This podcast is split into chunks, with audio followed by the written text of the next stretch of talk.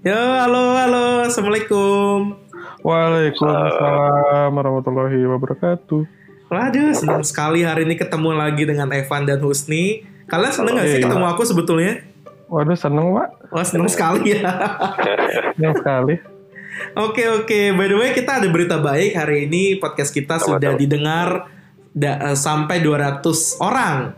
Wow. Yeay! Thank you Ya. guys. Eh, Ya, thank you, thank you yang udah ngedengar. Walaupun kadang-kadang obrolan kita, ya entahlah ya. hmm, Oke oke. Nah kali ini kita akan masuk ke podcast kita yang berikutnya di episode 6 Balik lagi ke tiga sisi IT di mana kita akan membahas uh, tema-tema yang masih bikin galau Mas Husni nih. Kalau kemarin kan galaunya dari saya Saya nih. yang galau ya pasti dong. Kan mahasiswa tuh harus paling galau memang. paling galau. Iya. Nah sekarang mungkin kita akan bahas tema-tema berikutnya nih. Kira-kira Mas Hmm. Husni punya pertanyaan apa lagi Mas yang biasanya jadi kegalauan? Ini sih Pak, apa sih? Kan eh, kita tuh kan ke- kalau kuliah ya. The end of the journey itu skripsi Pak. Nah betul. Eh, nah, aku penasaran aja sih di dari UX dari apa field UX ini kira-kira apa aja yang bisa eh, kita buat untuk topik skripsi Pak? Oke, berarti pertanyaan ada lebih kepada tema apa yang kiranya bisa dijadikan topik skripsi. Tentunya masih di area UX ya. Iya, Ah, Oke, sip sip. Mungkin aku dulu yang jawab ya, Van ya. Karena kan ini dari Boleh, segi, boleh, segi uh, akademisinya dulu. Nah paling sih kalau kalau di informatika sendiri, karena kan memang ranah desain interaksi untuk software biasanya di ranah informatika ya. betul. Nah itu eh, aku sendiri itu membuka banyak peluang untuk mahasiswa membuat penelitian di area desain interaksi. Aku tidak sebut UI dan UX, tapi aku lebih Ya, sebut betul. sepaket saja yaitu desain interaksi di software. Nah eh, sebetulnya akan ada banyak sekali sebarannya. Cuman kan kalau di area akademisi biasanya dibatasi dulu tuh agar nanti temanya Iya. tidak tidak luas dan juga kemampuan pembimbingnya pun juga mumpuni dulu dalam satu atau beberapa bidang baru dia pindah ke bidang yang lainnya. Nah, Iya, di dalam desain interaksi sendiri itu ada tiga tema yang sebetulnya bisa diambil nantinya oleh Hmm. eh, mahasiswa-mahasiswa seperti Mas Husni ini. Nah, yang pertama adalah konsep redesign. Itu udah jelas lah ya di Mhm. di akademisi atau di praktisi ataupun juga seperti Mas, yang misalkan sudah pernah menjalankan beberapa project uh, lepas di area UX kan pasti sudah familiar dengan kata redesign ya. Intinya adalah memperbaiki desain dari yang tadinya kurang baik menjadi baik.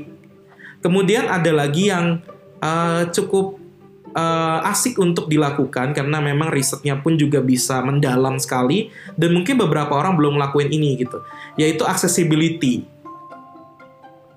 Nah, accessibility ini ya biasalah membahas bagaimana cara menyediakan uh, desain ataupun sampai ke komponen desainnya langsung. Jadi contoh kayak kemarin anakku itu bikin plugin di Chrome, di Google Chrome, itu Hmm. untuk bisa meningkatkan accessibility di Tribune, eh di Tribune di Hmm, website Tribun. Nah, jadi benar-benar ketika uh, pengguna menginstal si plugin tersebut, nanti segi accessibility-nya langsung dilengkapi oleh si uh, plugin tersebut. Nah, itu kan Hmm, juga hmm, hmm. asik ya. Nah, kemudian yang terakhir yang baru-baru banget ini dibuka adalah design system. Oke. Nah, ini udah pasti familiar banget lah ya. Husni sama Evan udah pasti Hmm. familiar banget lah. Ya Pak. Ah, yang pernah betul. bikin tuh Pak? oh saya pastilah. ini, Pak. Iya dong, pasti. Speaker desain sistem mantap. Eh, eh. Siapa tuh yang UXID tuh? Ketua dan wakil ketuanya siapa tuh paling pasti ganteng banget ya. Waduh, bukan lagi. Bukan lagi ya.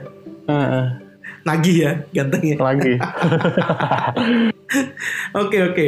Eh, tapi mungkin gini, eh, yang jadi pandangan kita adalah desain sistemnya nggak serumit yang dibahas oleh para startup ya, ataupun juga mungkin eh, Husni dan Evan sebagai praktisi juga gitu. Ya kalau Hmm. Mas Husni kan memang juga sudah bisa kita sebut praktisi lah, sudah bisa pernah Hmm. ngelakuin project lepas gitu. Eh, yang paling inti sih sebenarnya ketika redesign eh, banyak sekali orang berpikiran oh marilah kita redesign software-software yang sudah ada. Nah, cuma permasalahannya adalah di seberapa besar software yang mau diredesign. Seberapa Iya. banyak interaksi yang mau diredesainnya. Nah, itu kadang-kadang mahasiswa nggak bisa ngukur itu. Kemudian juga jarang sekali ranah yang berbicara masalah inklusif. Hmm, I see, yeah. Jadi ya kalau accessibility itu kan memang hanya bicaranya masalah disable, Ya, betul. disable person gitu. Tapi kan kalau kita bicara inklusif is not all about disable itself.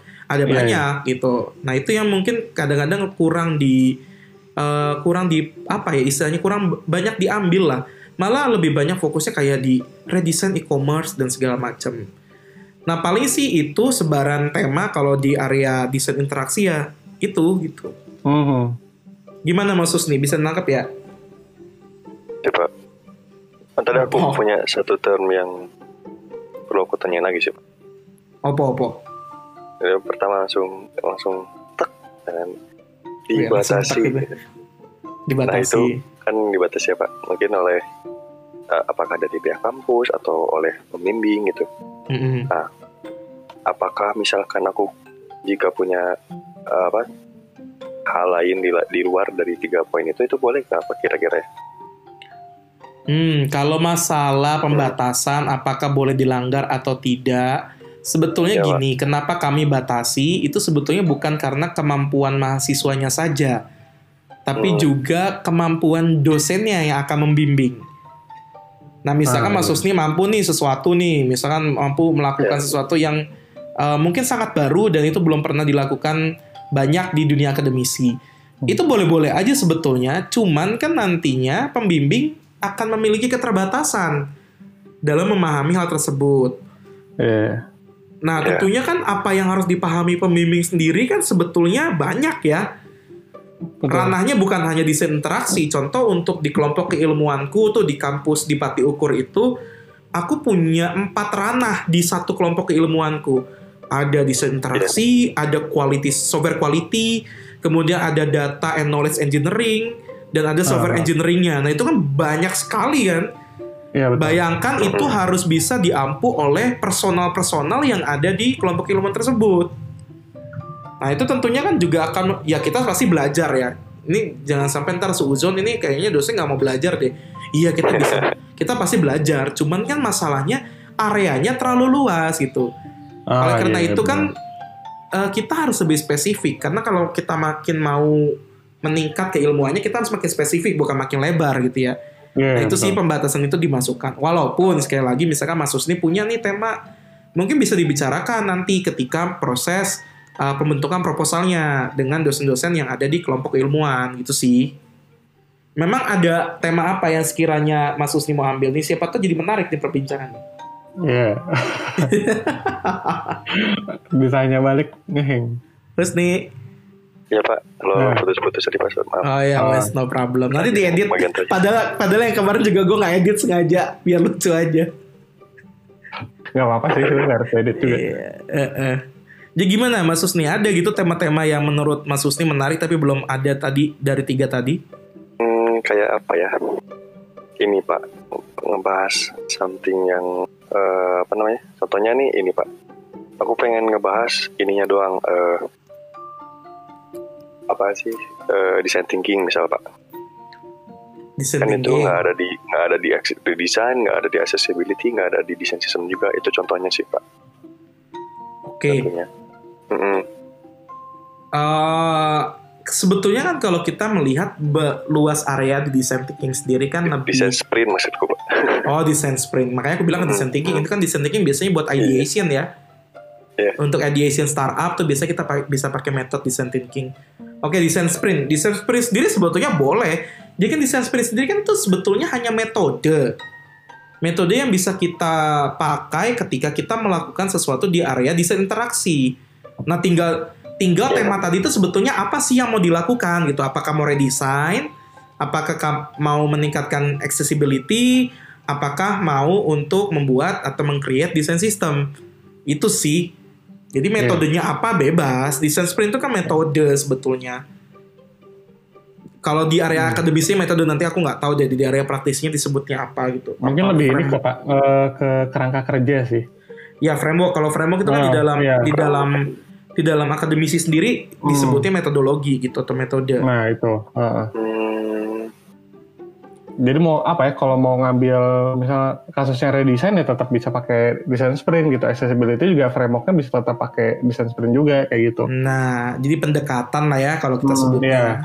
Pendekatan. Nah, kalau dari sisi praktisi sendiri mungkin bisa kasih sedikit sumbangsi. Siapa tahu ada tema-tema yang mungkin uh, belum terbahas gitu sih. Cuma gini sih sebelum nanti Evan ngasih uh, clue tentang tema yang bisa diambil untuk skripsi ini, uh, yang perlu diingat skripsi ini kan mata kuliah ya.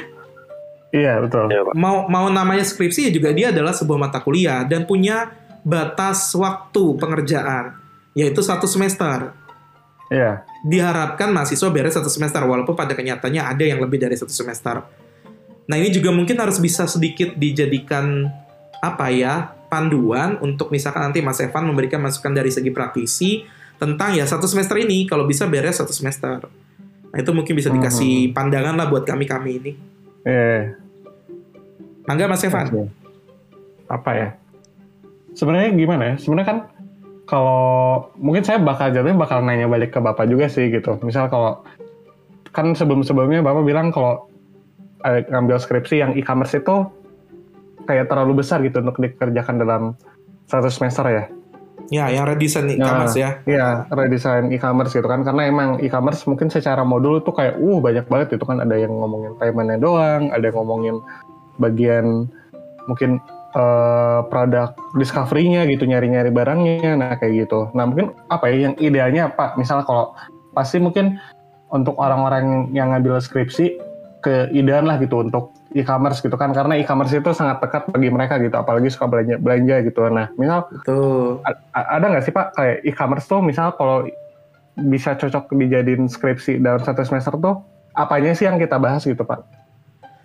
Eh, sebetulnya sih kalau kita bicara redesign di area e-commerce ya eh s- pembagian pembagian dari si journey atau taksnya pun juga bisa dilihat sih Van sebetulnya bebas-bebas aja. iya. Mhm. Cuman kan kadang-kadang mahasiswa tidak sadar itu ngambil aja judul atau redesign Ya. e-commerce X gitu. Mhm. Wah itu kan ekstrim kita udah ingetin tuh itu besar sekali dan sulit gitu loh. Iya, dan ande, dan lucunya gini, nanti mungkin juga Evan bisa ngasih masukan. Kalau Oh. hanya beberapa modul yang diambil dan journey di dalamnya, misalnya kayak contoh untuk paymentnya, Mhm. nah itu kan eh, apa ya istilahnya eh, akan menimbulkan suatu solusi yang tidak komplit tentunya. Iya, betul, betul. Jadi kan kita bicaranya nggak e-commerce itu diberesin semua, tapi hanya bagian paymentnya aja gitu loh. Mhm. Nah itu Iya. juga yang menjadi kita tuh agak khawatir kalau dibagi-bagi seperti itu. Nah mungkin Oke. nanti keideannya dari praktisi seperti apa sih ngebagi-baginya gitu. Yang Hmm. istilahnya bobotnya juga jangan jadi ringan banget, tapi juga jangan berat banget gitu. Hmm, iya. Itu sih, iya. Ah, ah. Oke. Oke, mungkin atau enggak kayak bisa nggak sih kayak kita ambil eh, misalkan kalau satu modul banget gitu ya, kan itu terlalu sedikit. Misalnya kalau kita gabungin beberapa modul gitu, Pak. Misal dari satu alur deh nyampe beres gitu dari eh, nyari barang sampai bayar gitu kan. Iya. Itu gimana, Pak? Nah kalau seperti itu bisa, karena kan satu journey-nya komplit. Iya. Dari awal em, masuk, kemudian dia Hmm. bisa sampai bayar seperti itu. Itu oke sih, menurut aku oke. Oh, Jadi batasan masalahnya lebih kepada main flow dari Hmm, iya. eh, si e-commerce itu sendiri gitu sih. Iya, betul sih. Soalnya mungkin ya kalau e-commerce terlalu besar mungkin gimana ya? Kebayang sih, karena mungkin ketika kita skripsi soal e-commerce pasti ada beberapa modul yang kita nggak riset gitu. Ya udah, yang penting kan di e-commerce sudah ada. Ya udah tinggal kita redesign aja gitu. Tapi nggak ada analisisnya di situ tuh. Nah, itu sih. Nah, mungkin yang jadi kesulitannya adalah ketika kita menghasilkan UI yang baru Hmm, dengan style yang baru. Nah, itu yang kadang-kadang jadi nggak masuk untuk beberapa eh, modul yang tidak kita handle di penelitian kita. Ah, iya. Tapi sebetulnya nggak masalah karena kan sebenarnya penelitian tuh bisa saja memparsialkan itu gitu, bisa membagi-bagi lagi dan seterusnya. Hmm, Nah, jadi aku sih sekarang butuh masukan sih dari Evan terkait tiga tema tadi, redesign, kemudian juga uh, design system dan accessibility gitu. Kira-kira Hmm. mungkin ada contoh-contoh yang bisa diambil temanya gitu. Mangga, Mas Apa Evan. ya? Misal accessibility. Sebenarnya accessibility itu salah satu yang paling menarik sih Pasti. untuk jadi skripsi ya. Karena Iya, itu tahapan risetnya tuh emang kayak bener-bener itu apa ya kita tuh harus ketemu gitu dengan si partisipannya gitu biar kita ngerti konteksnya kayak gimana kayak gitu mungkin apa ya eh, untuk yang kita ngerjain buat yang orang-orang tunanetra gitu itu juga bisa kan gitu misal kayak tapi tunanetranya ngapain dulu nih gitu apakah dia misal dalam melakukan transportasi itu yang kita bantu gitu. Atau enggak aktivitas-aktivitas lain yang dilakukan oleh tunanetra gitu. Nah.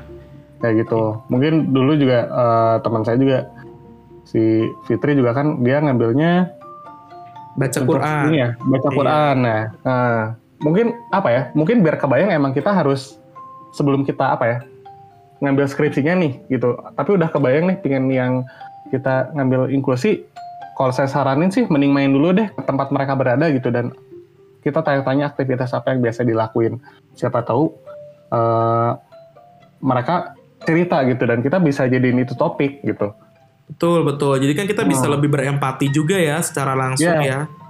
Betul. Terkadang ada ini loh Pak, apa ya?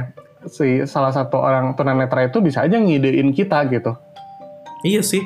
Karena Hmm. memang kan kita juga nggak pernah nggak pernah jadi tunanetra. Jadi kadang-kadang kita Iya. hanya menebak dari perspektif diri kita sendiri. Iya. Coba sekarang misalnya kita tanya ke Usni, Usni, Ya pak. kira-kira kalau orang tunanetra kalau misalnya pakai Facebook gimana caranya? Tahu nggak? Ya? Kayak Hmm. fitur suara gitu ya. Nggak mungkin juga sih. Nah, itu kan perspektif kita pasti oh pakai Iya. screen reader nih gitu ya. Ah, Nah, Iya. cuman kan cuman balik lagi ketika ketika orang tunanetra yang menggunakan bisa lain lagi gitu. mm-mm, Iya. gitu. Iya, kadang emang sih kadang ide itu muncul dari mereka sendiri sih Pak. Kayak Betul. mereka tuh kayak pernah ngidein gitu. Jadi mereka tuh punya masalah ketika dalam satu ruangan. Hmm. Terus apa ya? Kayak mereka tuh saling ngobrol, tapi mereka tuh nggak ngenalin ini tuh suara siapa gitu. Iya betul. Iya, jadi kayak mereka langsung ide solusinya kayak gitu. Nah, kadang kita apa ya untuk mungkin untuk teman-teman yang dengar ya, yang kepikiran ngambil skripsi tentang ingin ngeriset eh, di area inklusif yang misalnya tunanetra ya, ya udah ke- ketemu dulu aja sama mereka gitu. Ini juga berlaku untuk eh, eh, disabilitas yang lainnya gitu, misalnya kayak tuli kayak gitu. Itu juga bisa dengan kita ngobrol langsung dengan mereka gitu. Sambil kita mungkin tanya apa yang bisa kita bantu gitu, apa atau mungkin apa masalah yang sering ditemui sehari-hari kayak gitu. Ya mungkin pra risetnya bisa kayak gitu ya Pak? Bisa sih, bisa, Hmm. bisa banget. Iya. Nah, Mas Susni Kayak sendiri bi- kepikiran nggak kira-kira kalau misalnya dari area accessibility mau ngapain gitu? Belum kepikiran pak. Misalnya redesign Hmm. apa gitu nggak kepikiran? Saya ini deh pak. Untuk desain untuk orang tuli pak. Untuk ngapain?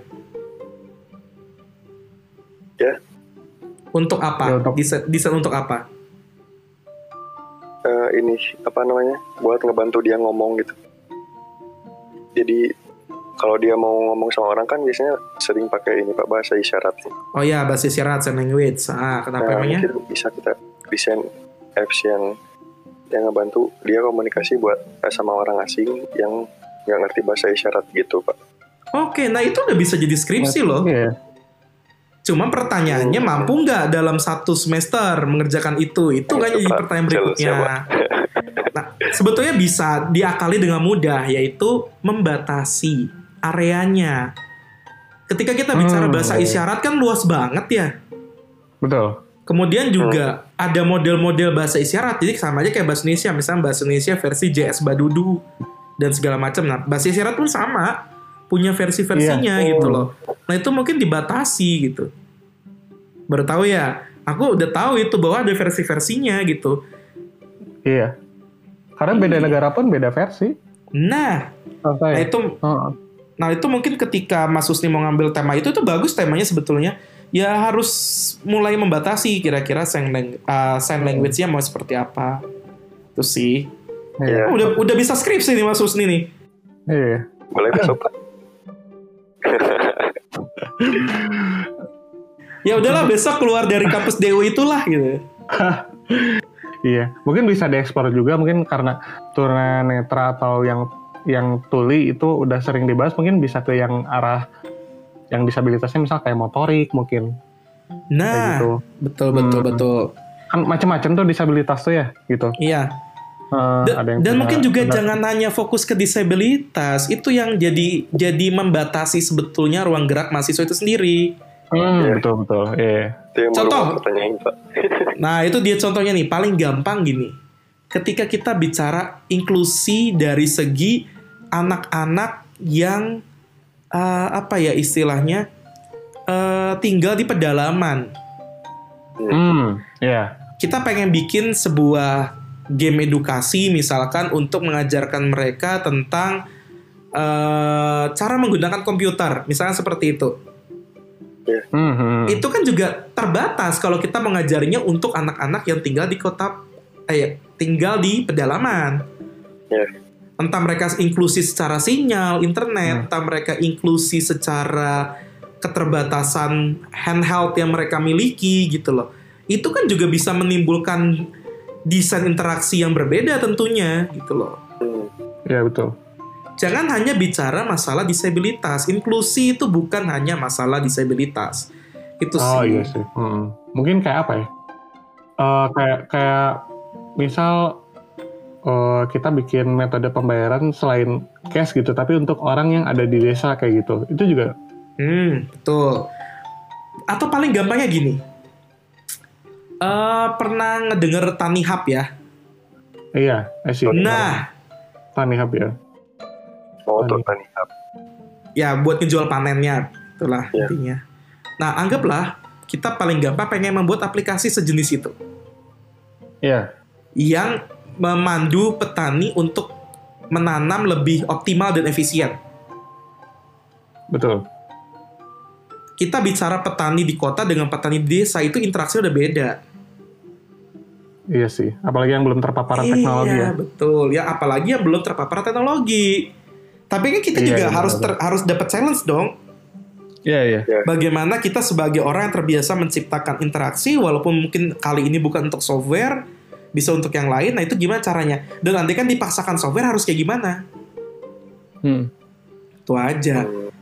Ya, misalkan anggaplah kita pengen membuat sebuah aplikasi untuk petani-petani yang ada di pedalaman lah, yang mereka itu hanya punya handphone yang bukan smartphone, hanya Hmm. hanya phone biasa saja, yang bisa untuk SMS dan telepon saja seperti itu. Hmm. Nah itu sebetulnya juga masih bisa untuk dij- dijadikan penelitian.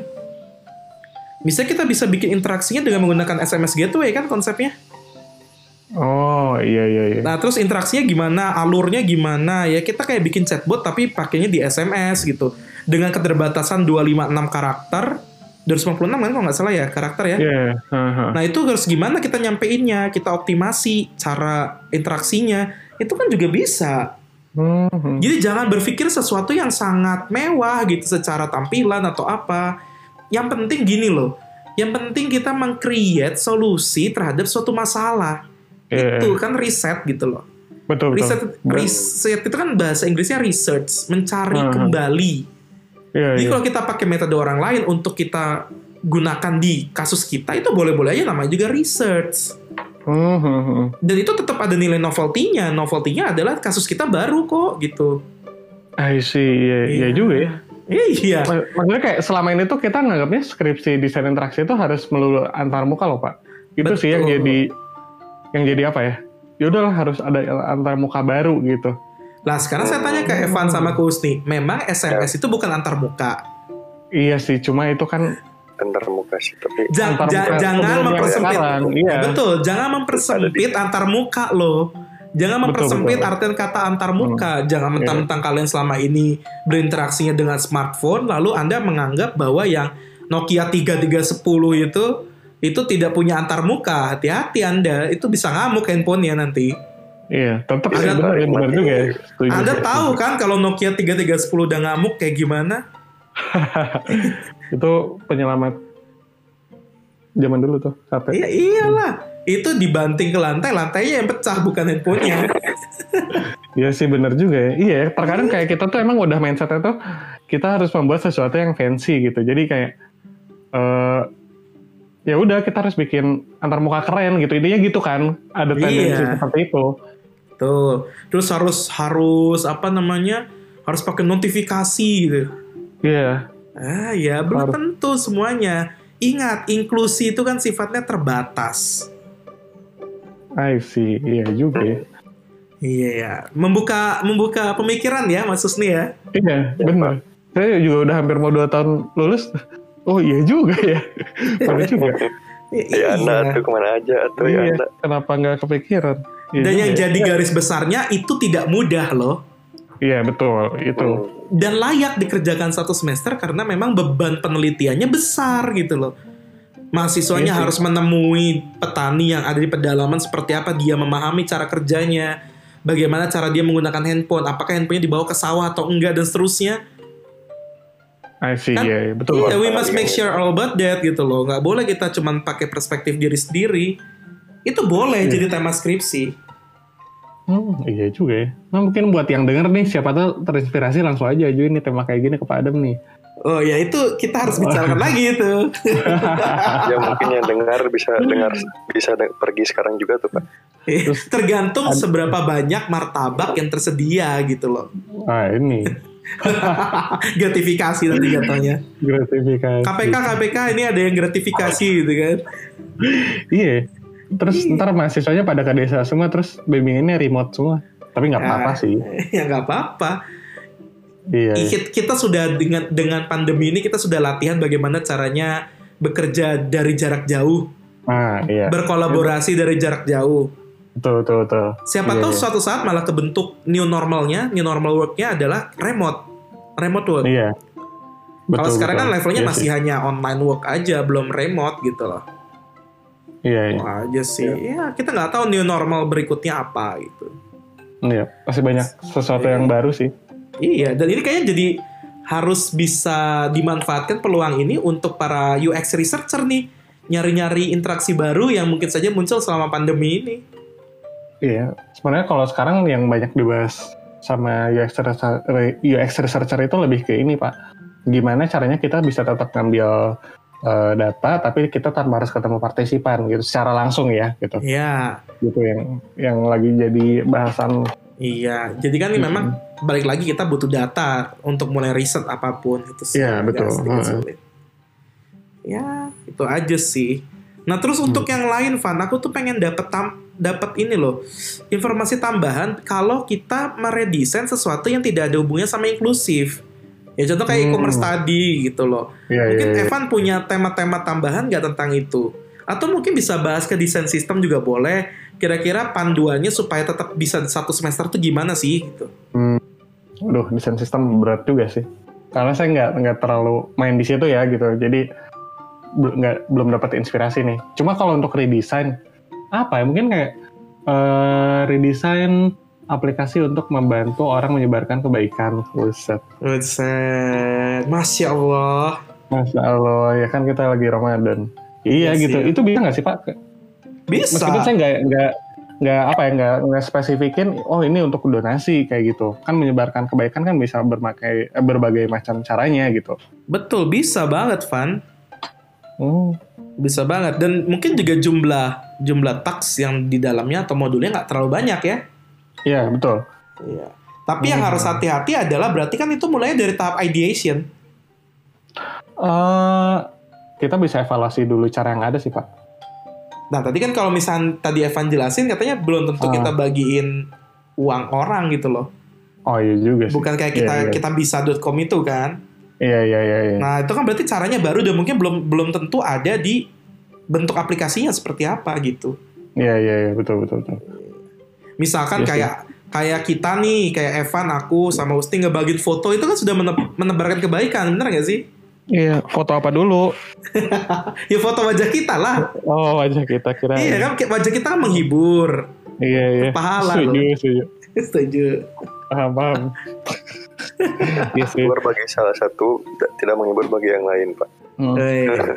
Atau mungkin apa ya Pak kalau nggak melulu soal redesign gitu kayak misal kita mendefine cara baru cara baru dalam belajar misal Itu juga bagus tuh, keren. Gimana Hmm. bisa dijelasin nggak, Van? Aku juga baru Iya. baru baru kepikiran, me- istilahnya meng-create sebuah cara interaksi pembelajaran yang baru ya. ya eh, Ah, kayak contohin gitu. Van, gimana Van? apa ya apa ya contoh spesifik sih jujur saya nggak kepikiran cuma kayak ya mungkin bisa dikaitkan dengan konteks seperti ini gitu misalnya kayak kondisi pandemi gitu Hmm, oke Ah. oke. Eh, aku baru ingat, aku tuh sebetulnya ada satu mahasiswaku dulu yang Hmm. risetnya daerah sini, tapi ntar jatuhnya kayak inklusif lagi ya. Soalnya dia kan tunanya Hmm. tunagrahita. oh Cuman dia iya, iya. meng-create cara belajar. Cara Ah. belajar untuk melakukan daily activity buat anak tunagrahita. Lalu ada juga anakku Iya, yang iya. pernah eh, riset di area sama eh, learning tapi Ah. untuk anak-anak yang apa ya istilahnya eh autis. Nah, jadi gini ya, Oh, ada anakku iya, yang iya. pernah pernah riset di area anak eh, yang menya- yang istilahnya menyandang autisme lah gitu. Iya, iya. Nah, itu cara belajarnya ternyata beda gitu loh. Hmm, Dan itu Iya bisa. sih. Iya. Cuman kan memang nanti nyentuhnya ke ini lagi inklusif. hmm, iya. Jadi memang sebetulnya inklusif yang open ke mereka semua gitu. Kan sebenarnya kalau yang tadi Evan ngomongin tuh areanya ya. Si area Iya, iya. kasusnya misalnya pembelajaran apa dan segala macam. Hmm, Nah, kalau di riset sendiri kan ada domain kasus dan ada domain eh, ininya, domain expertnya. Itu juga Ah, beda iya. gitu. Hmm. Sih. Nah, kalau Evan mungkin ada ada ada ini nggak masukan buat anak-anak yang skripsi gitu. Yang mau skripsi kira-kira harus gimana ngambil tema apa gitu. hmm, apa ya balik lagi sih mungkin saya pernah eh, omongin ini di apa ya di episode yang awal-awal sih kayak kalau untuk masalah mungkin jangan yang terlalu apa ya kita lihat kondisinya dulu lah ya, ya, jangan yang terlalu jauh dari Lebar kita kali ya. gitu maksudnya ini ya hmm, jadi harus eh, agak dekat dengan kita. Karena Betul. apa? Itu bakal concern saya ini sih ketika kita ngumpulin data gitu. Percuma kalau kita pin ngeriset sesuatu yang uh keren banget ini kayaknya. Tapi ke- kita bahkan nggak bisa nyentuh si partisipannya gitu. Iya betul betul. gitu. Terus eh, mungkin juga yang tadi juga saya sebutin gitu kita kayak kelak- ngelakuin prariset dulu gitu. Jadi kita observe dulu lah gitu yang terjadi itu yang terjadi itu seperti apa sih kayak gitu. Mungkin apa ya mungkin untuk teman-teman mahasiswa harus mulai membiasakan diri nggak jangan didadak sih karena eh, persiapan skripsi yang mendadak tuh bikin kita minim opsi Iyalah, jangan Iya, ba- ya pengalaman- jangan baru dibuka Nah. proposal baru nyari tema gitu loh. Iya, itu pengalaman saya sih kemarin gitu. Dan Yang ujungnya mau ada nggak mau ya? Tema. Hmm, iya, gitu. Yang ujungnya mau nggak mau yang ambil itu. Gitu. Hmm, iya, jadi kayak kalau misal skripsinya, kalau bisa sih misal kayak tiga bulan atau dua bulan sebelum skripsi itu udah mulai resah gitu. Aduh ini nyari apa ya kayak gitu. Mungkin bisa untuk tema-temanya mungkin ya bisa cari inspirasi dulu via penelitian yang udah ada kayak gimana gitu. Kalau misal emang udah pingin ngincer ya sesuatu yang inklusi yang emang ranahnya kayak disabilitas, mungkin udah harus mulai cari-cari nih. Kan kalau disabilitas kan ketebak lah, oh ini ada berapa jenis disabilitas nih. Terus mana nih yang bakal kita eh, teliti kayak gitu kan, research gitu. Nah Iya. itu juga kan bisa dieksplor lebih dulu gitu. Jadi ntar eh, pas udah disuruh nulis proposal tuh udah siap, oh ini eh, saya bakal riset di sini gitu. Tapi jangan lupa untuk konsul dulu ke calon pembimbing lah gitu, biar enak gitu, biar nggak terlalu kaget juga gitu. Iya. Karena kan untuk meyakinkan butuh proses lah gitu. Mungkin Pak Adam juga kan untuk apa ya, untuk yakin dengan si an- anak ini mau ngambil skripsi kan nggak nggak bisa langsung oh ini bagus bagus kan emang harus ada prosesnya dulu gitu dari si calon anak skripsi ini kayak gitu. Betul, terutama martabak yang tadi aku Hmm. ngomongin, Van. Itu penting itu. itu. Sa- sa- sajen, sajen, Sajen. sajen. Rajin. Ya itu sih kalau saran dari saya gitu. Ya jangan lupa untuk konsultasi sih sama calon pembimbing sih, soalnya kan itu yang bakal apa ya ngebim, eh, pem- ngebimbing kita gitu selama ntar satu semester ngerjain skripsi. Nah, ini Evan perlu tahu nih, Van. Ada fakta menarik lagi berikutnya. Apa tuh? Hu- Husni tuh udah sering sebetulnya konsultasi sama saya. Oh iya, oh mantap tuh. Iya. Udah nggak sabar pengen cepet lulus nih. Oh udah. saya mau ngambil skripsi. Bahkan ketika dia nih baru tes masuk ya, tes PMB Unicom, baru dinyatakan lulus sorenya, dia langsung hubungin aku. Pak, saya mau mau nanya tema skripsi. Edan gak sih? Edan ya? Udah. Edan. Terus dia bilang gini, udah. saya mau re- saya mau redesign uh, aplikasi dating apps gitu. Waduh. Ya terus gue bilang, oh oke oke bisa bisa gitu. Cuma sampai sekarang nggak beres-beres itu proses risetnya. Karena ada malah di, bukan karena dia Kayak terjebak, ini. karena dia terjebak di kenangan masa lalu. Sementara kan Waduh. kalau dating itu kan untuk membuka masa depan gitu loh. Hmm. Betul, iya. Itu dia. Nah bisa nggak sih pak kayak apa ya pak? Mungkin kayak beberapa aplikasi yang kayak kita anggap apa sih gitu. Tapi sebenarnya bisa kita jadiin bahan skripsi, misal Tinder gitu. Hmm. Kita redesign gitu. Buat apa ya? Kayak eh, mendefinisikan cara baru untuk menemukan pasangan. Bisa aja sih Van. Tuh. Cuman Tindernya Eh, eh, itu gitu. sih. Aku gue bayangin teringat seorang temanmu aja itu. kadang Iya, kiri, iya. kadang kiri, kadang kiri gitu kan. Iya, iya. eh. Ya, tapi itu kan bisa, bisa ada nilai risetnya kali pak. Sangat bisa, orang bikin Tinder pun ada UX researcher juga kan gitu. Pasti Betul. ada risetnya juga gitu. Eh mal- malah aku tuh lebih Iya. ekstrim, malah lebih ekstrim nyaraninnya. Kenapa sih? Iya. Kenapa sih nggak gini aja kamu bikin perbaikan dari desainnya Tokopedia ataupun Bukalapak gitu. Terus nanti itu jadikan portofolio kamu, kamu upload ke Behance gitu ya. Hmm. Terus nanti tunjukin ketika Iya. kamu kamu kerja wawancara kerjanya tunjukin. Nah, kamu riset untuk mempersiapkan hal itu gitu loh. Jadi Iya, skripsinya bisa dapat, portofolionya dapat gitu loh. Toh itu Nah, lazim kok dilakukan oleh para UX researcher, bener gak sih? Iya, emang Iya. kayak apa ya?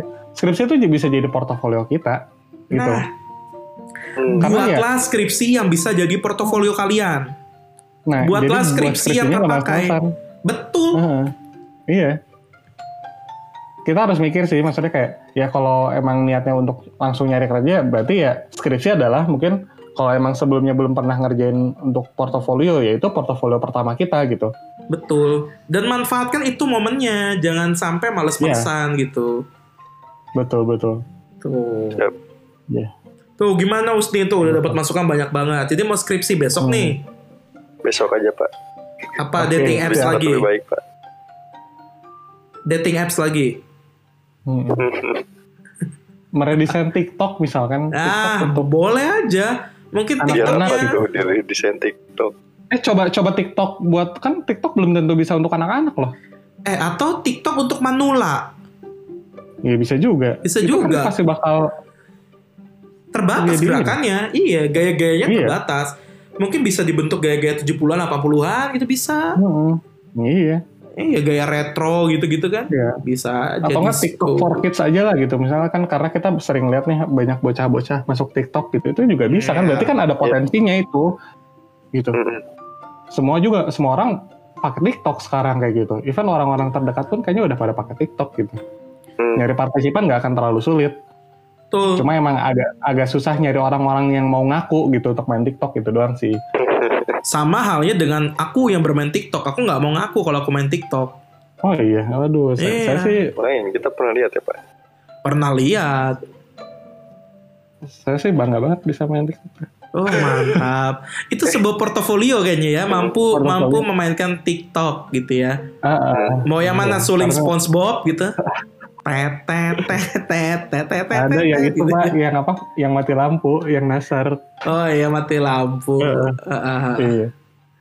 Atau yang itu goyang ubur-ubur ya. Ubur-ubur. ya itu sih apa ya? Kadang mungkin apa ya? Hal-hal yang kita anggap cringe gitu. Tapi sebe- apa sebenarnya ya bisa dijadiin bahan gitu. Terkadang kita nggak sadar aja gitu harus selalu yang wah ini. Yang ranah-ranah yang formal kayak gitu nggak harus sih sebenarnya ya kadang. Hmm. Ya karena manusia pada dasarnya itu lebih senang untuk memaki-maki hal yang memang buruk gitu loh. Hmm. Dan Iya. cenderung memperbaiki mungkin- apa yang rusak gitu. Padahal mungkin saja di area yang tidak rusak kadang-kadang tetap kita harus tingkatkan gitu. Iya betul. Iya. Iya mungkin ini semoga apa ya jadi membuka mata sih buat yang mau, mau ngambil skripsi gitu. Iya, Gimana udah jadi apa? langsung ngambil skripsi gimana? besok. Hmm. ya mungkin untuk teman-teman yang mau ngambil skripsi nih, apa jangan selalu mengikuti apa yang sudah dilakukan senior-seniornya sebelumnya kayak gitu. Iya. Nah, harus open sih untuk nyari apa ya berbagai macam topik yang emang kita anggap aneh gitu. Tapi emang sih persiapannya nggak bisa semalam jadi gitu. Terkadang ini sih yang jadi habit buruk gitu. Mungkin ini terjadi juga ke saya sih waktu bikin skripsi gitu. Tuh. Nah, mungkin gitu. salah satu tips dari aku sih banyak ikut komunitas ya. Nah, itu. Untuk orang yang ya. benar-benar Komunitas. ah, ikut komunitas UXID, terutama chapter Bandung. Iya betul. Ya, itu wajib ikuti semua Hmm. webinarnya karena sekarang WFA berarti webinar semua ya. Iya. mm-mm. Nah, itu harus ikut Itu semuanya. promosi. Mm. Nah, itu jadi Iya. penting. Kenapa menurut aku jadi penting? Karena dapat relasi.